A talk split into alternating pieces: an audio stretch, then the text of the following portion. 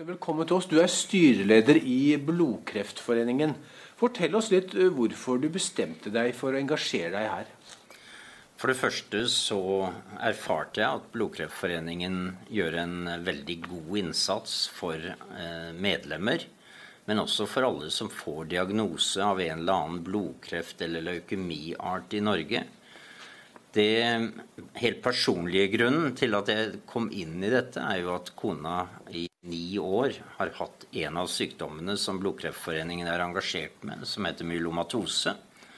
Og det er kompliserte navn på mange av disse sykdommene. Og det er også litt av utfordringen.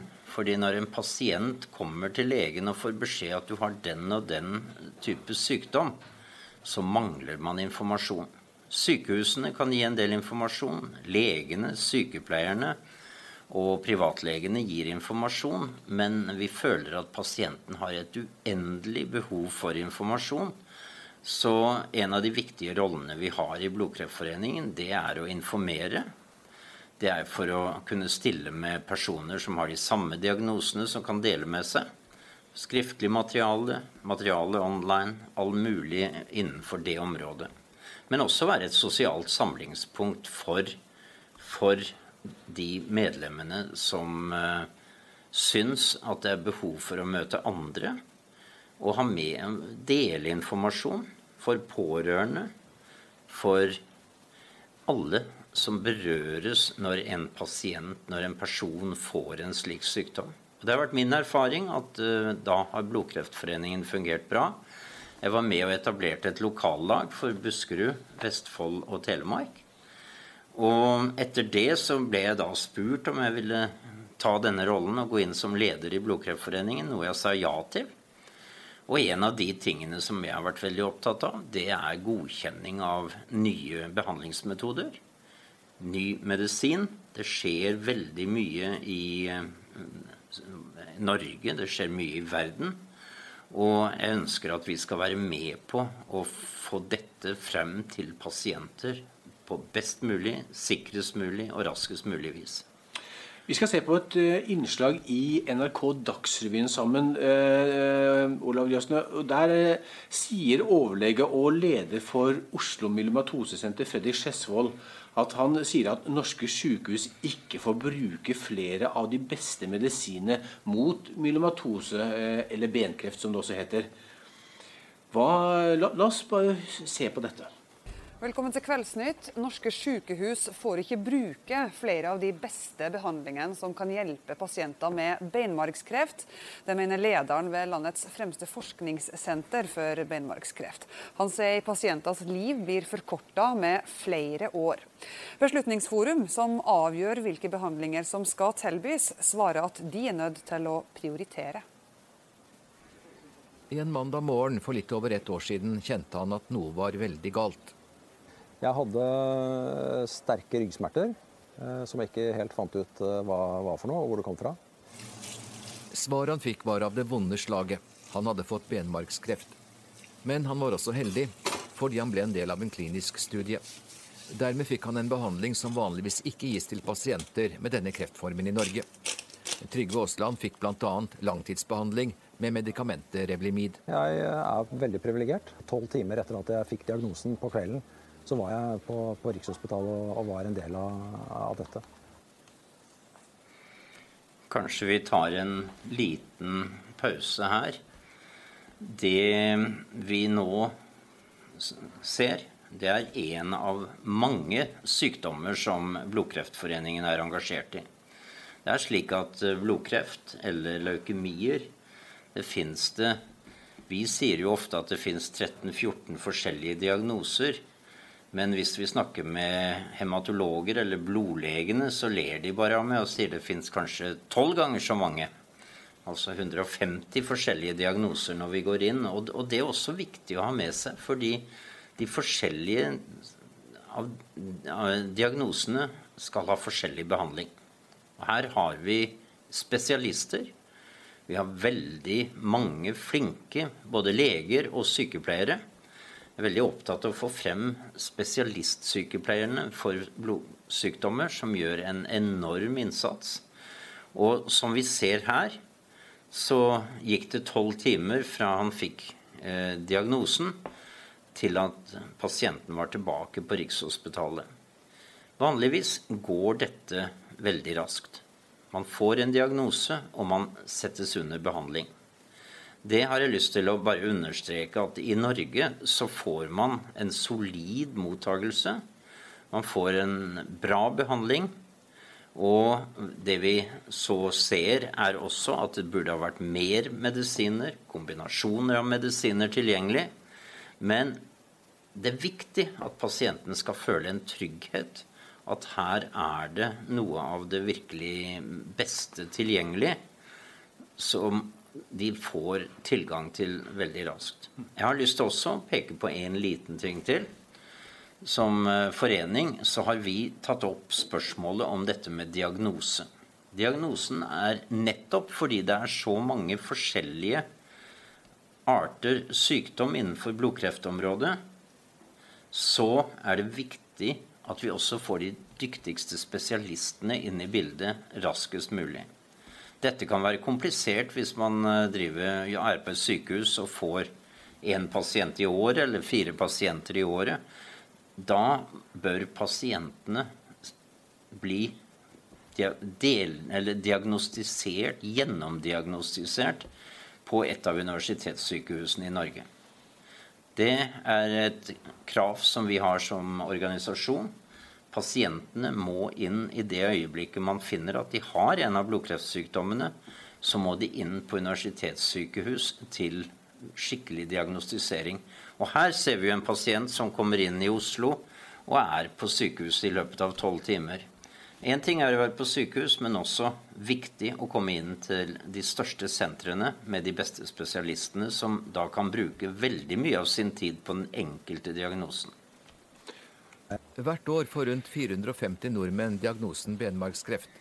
Men behandlingen pasientene tilbys ved norske sykehus er ikke god nok mener lederen ved forskningssenteret Oslo Myelomatosesenter på Ullevål sykehus. De elleve beste behandlingene som finnes, basert på solid dokumentasjon, ingen av de elleve er godkjent til bruk i Norge av Beslutningsforum. Han mener at disse behandlingene kunne forlenget livet til pasientene med opptil fire år. Det vil jeg si et konservativt estimat. Beslutningsforum, som avgjør hvilke behandlinger som skal tas i bruk ved våre sykehus, har vurdert åtte behandlinger mot benmargskreft. De har sagt nei til de beste og ja til behandlinger som ifølge Skjesvold ikke gir noen overlevelsesgevinst i det hele tatt.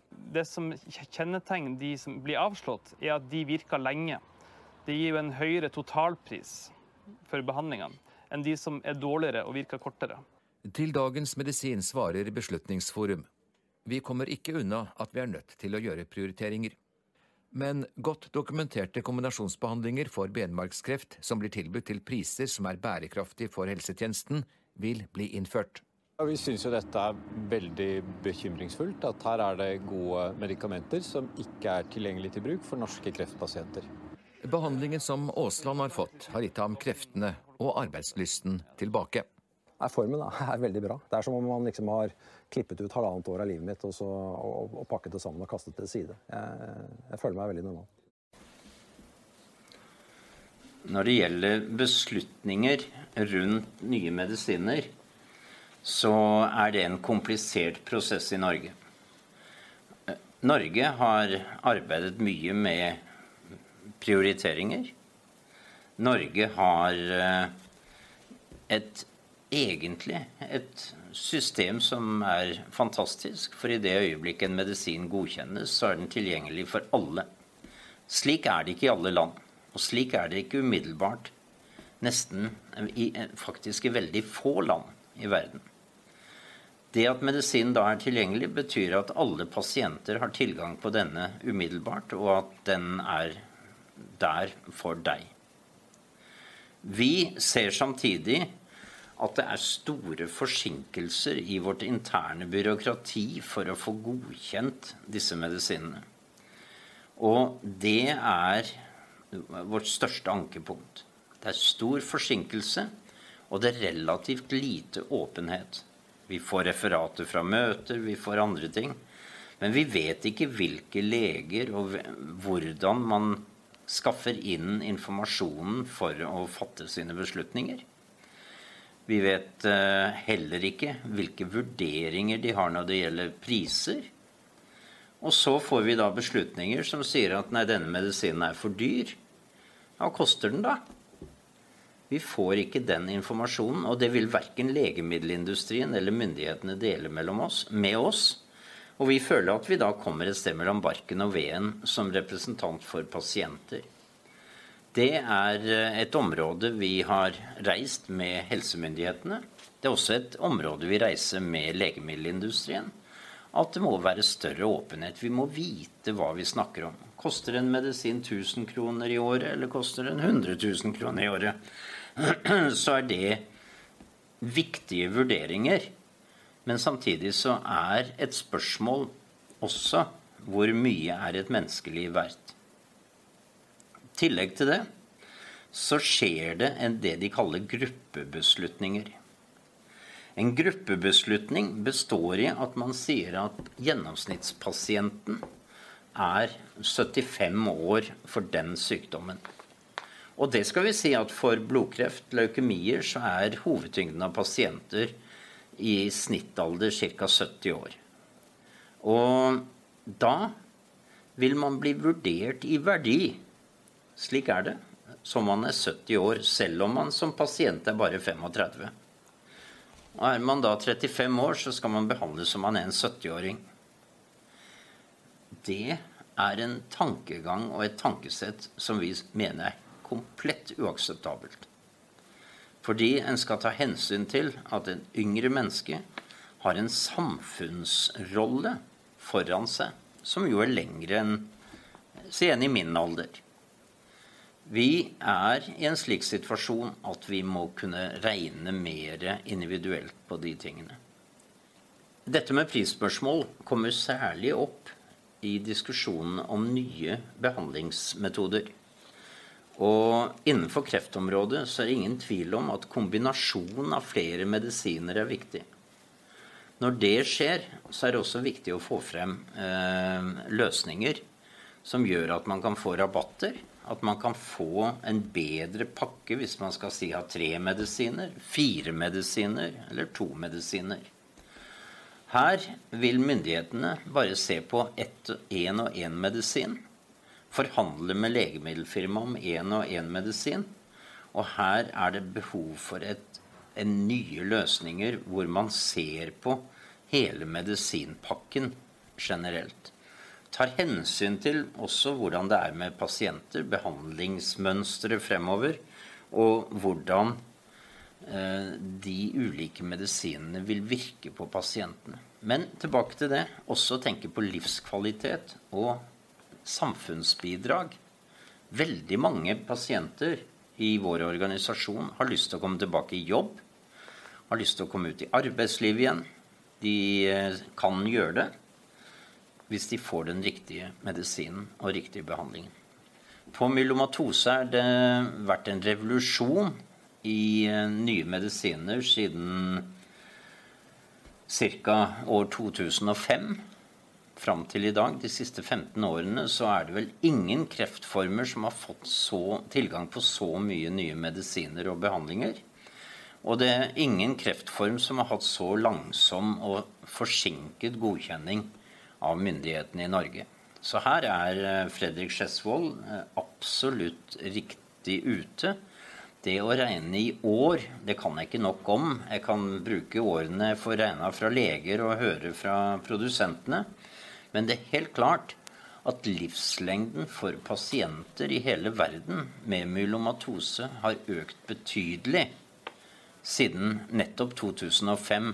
Og det var da vi fikk medisiner som bl.a. Remlivid, som Fredrik Skjesvold nevner i intervjuet her, som er en helt grunnleggende medisin i behandlingen, og hvor myndighetene og Beslutningsforum har sagt nei til bruk av denne i vedlikeholdssammenheng.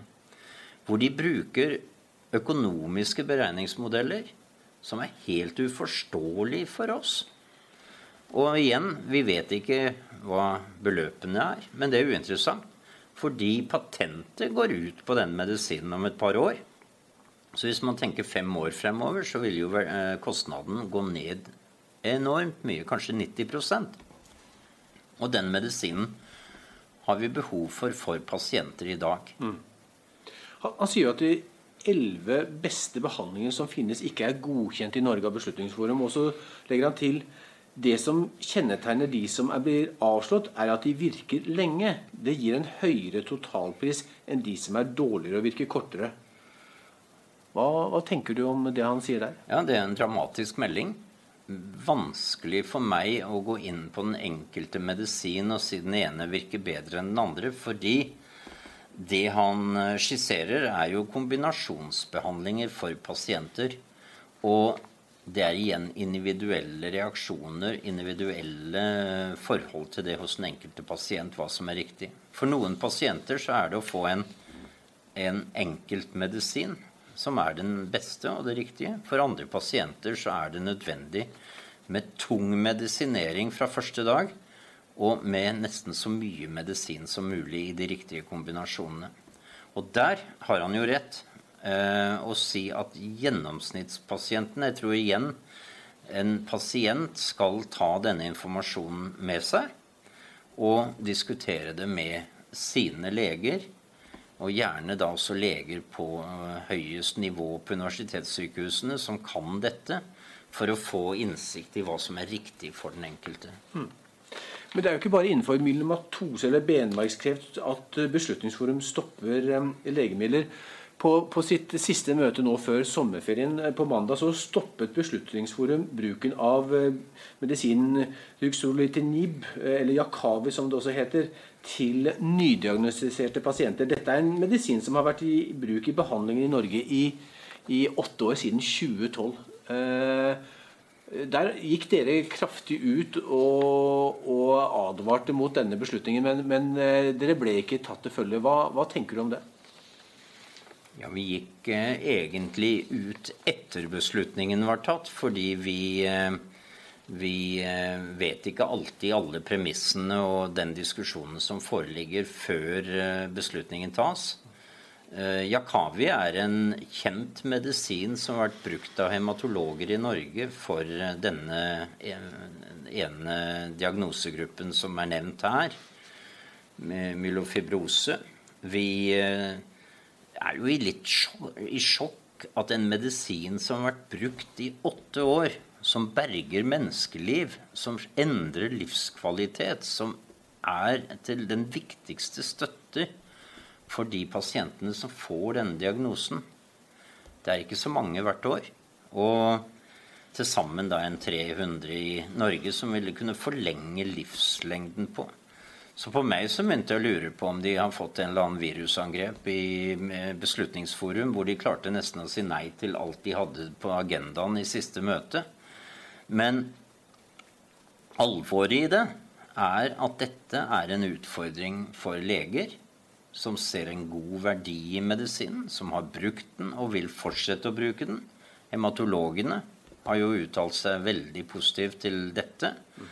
Og det er en trist beslutning, for den er helt udefinert, annet enn å si den er for dyr.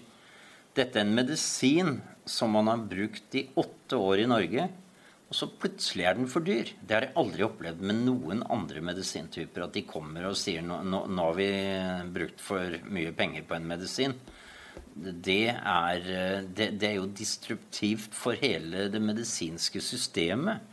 At man bruker en medisin, og så etterpå forteller noen at nei, denne er så dyr at nå får vi slutte av. Det, det, det, er liksom en tankegang som eh, tilhører oldtiden i min verden. Og det er så lite fremoverretta som det går an å bli. Eh, overlege og hematolog Eivind Galteland han er jo ekspert på dette området og sier at, eh, at det er tilbakeslag av dimensjoner, og at det ikke finnes annen god behandling for disse pasientene. Hva, hva gjør dere som pasientforening da? Hva, hva er det dere kan gjøre? Ja, For det første sitter jo ikke vi med myndighetenes makt, men vi prøver å påvirke myndighetene. Så i går kveld så sendte vi en appell til helseministeren, til Bengt Høie. Og vi øh, overklaget den beslutningen som ble tatt i Beslutningsforum. Beslutningsforum er nå et offentlig eh, organ etter eh, beslutningen i Stortinget like før eh, nyttår i fjor. Og dermed så må helseministeren nå ta ansvaret for de beslutningene som kommer. Og vi håper at de vil se rett og slett vanviddet i å kutte en medisin som har vært på markedet i åtte år. Det er jo fortvilte pasienter, og fra vår side så er det å rett og slett gå på ministeren, hvor beslutningen endelig ligger, og at departementet vil se på dette. Da Et av de uklare forhold det er jo dette med beslutningsforum og appellmuligheter. Men siden det nå er et offentlig organ, så er det da departementet som må ta en uh, ny vurdering av den beslutningen som ble fatta på mandag. Beslutningsforum sier jo at eh, bakgrunnen for denne, dette avslaget, eller at man tar, ikke vil refundere denne medisinen lenger, det skyldes at eh, prisen er for høy i forhold til effekten. Eh, slik er jo ofte de negative vedtakene i Beslutningsforum. Effekt og pris henger sammen. Hvor, kan man ikke stole på Beslutningsforum at, at de klarer å avveie verdiene av eh, pasientbehandlingen versus det som dette koster eh, for det offentlige? Hva er effekten av medisin? Hvis en medisin berger menneskeliv, så har den jo en enorm effekt for de menneskene som uh, får leve videre. Og den har en effekt i samfunnet. Uh, samfunnet tjener jo ikke på at folk dør. Og i det hele tatt så, så er det en tankegang her at, at medisinen er for dyr. Ja, da får vi høre hva den koster. Ut fra informasjon jeg klarer å lese ut av sakspapirene, så var det pristilbudet som eh, Beslutningsforum tok stilling til, ti, nesten 10% lavere enn det uh, som har vært betalt for denne medisinen de siste åtte årene. Og dermed så er prisen lavere. Effektene er klar ifølge legene.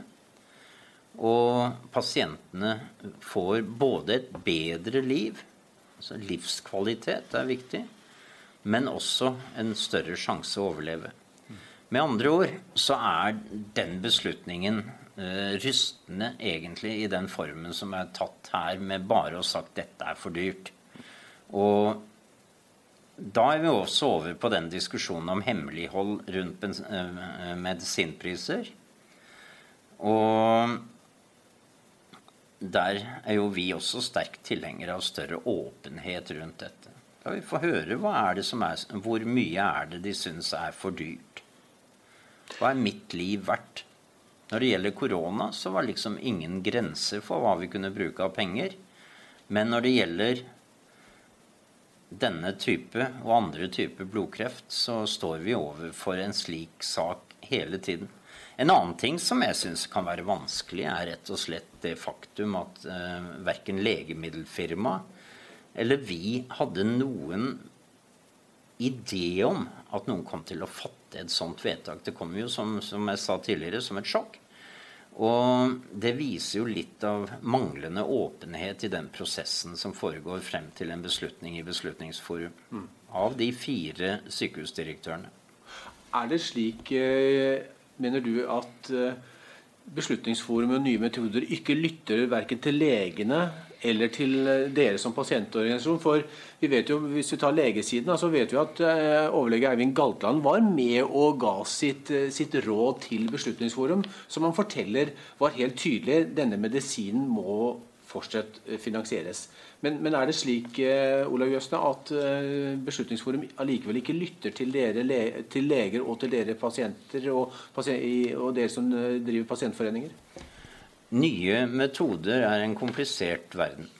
Her inne ligger jo både Legemiddelverket og den prosessen som går der, og sykehusinnkjøp. Både Legemiddelverket og sykehusinnkjøp har faglige rådgivere i form av klinikere, altså leger, men jeg har også snakket med leger som sier ja, jeg står jo på listen og blir bedt om å uttale meg, og uttaler meg hver gang det kommer noe, og det ser ikke ut som de bryr seg om hva jeg sier for noe. Så de har tydeligvis eh, gjort seg opp sine meninger. Og det andre som ligger til grunn her, er jo at eh, samfunnsøkonomi ser ikke ut til å være den største drivkraften. Det er økonomer som sitter der, men det er økonomer som også dominerer.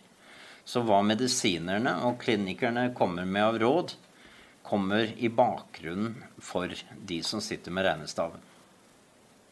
Nå skal jo Beslutningsforum evalueres. Eh, eh, hva er din mening på hvor er det Beslutningsforum bør endre seg? For det første så skal nå evalueringen skje over det neste året.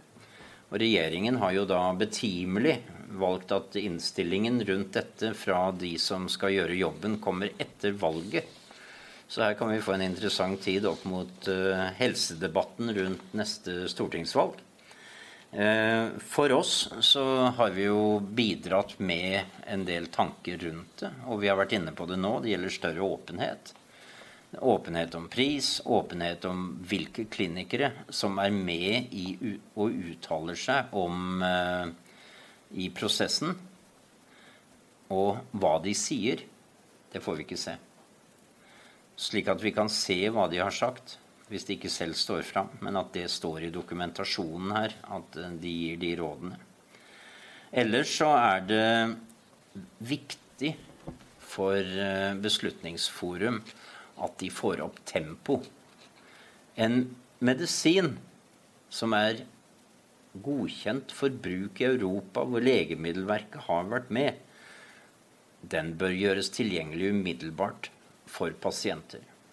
Så bør det heller med Beslutningsforum ta et steg tilbake og sette seg ned med legemiddelfirmaet, lage regler for hva som skal måles, og så kan de ta en beslutning selv om medisinen allerede er tatt i bruk. Den er tatt i bruk med velsignelse fra Legemiddelverket allerede når den får europeisk godkjennelse. Og det har vært gjort store kliniske undersøkelser rundt medisinene som da er tilgjengelige. Det er eh, med andre ord mer åpenhet, mer informasjon og raskere behandling. Så forstår vi som pasientorganisasjon at medisin eh, koster mer og mer. Legemiddelfirmaene har jo ingen problemer med å komme på markedet med dyre medisiner, og at det her må skje en prioritering. Det er klart definert i norsk helsepolitikk. Men da må vi også vite på hvilket grunnlag denne prioriteringen skjer. Så Beslutningsforum må komme der. Dessuten så mener vi at Beslutningsforum bør ha med mer aktive pasientrepresentanter. Eh, gjerne at arbeidet deles opp mer i undergrupper. Her er det fire helsedirektører som sitter og bestemmer alt, med en observatør fra en pasientorganisasjon. Og det er jo nesten en umulig oppgave å sitte som observatør fra én pasientorganisasjon. Det ville være det samme som å be meg komme inn fra Blodkreftforeningen og uttale meg om revmatisme, som er en alvorlig tilstand som jeg ikke kan noen ting om. Olav Løsne, eh, helt på tampen. Tror du med hånden på hjertet at evaluering av Beslutningsforum kommer til å medføre positive endringer sett fra pasientenes eh, ståsted? Jeg føler at uh, interessen for saken og fokus for denne saken i Stortinget da saken var oppe i helsekomiteen, hvor vi var invitert til å uttale oss, eh, er økende. Man er klar over hvor vitalt viktig de beslutningene som fattes i Beslutningsforum, er. Og litt hvor sendrektig systemet har vært. Da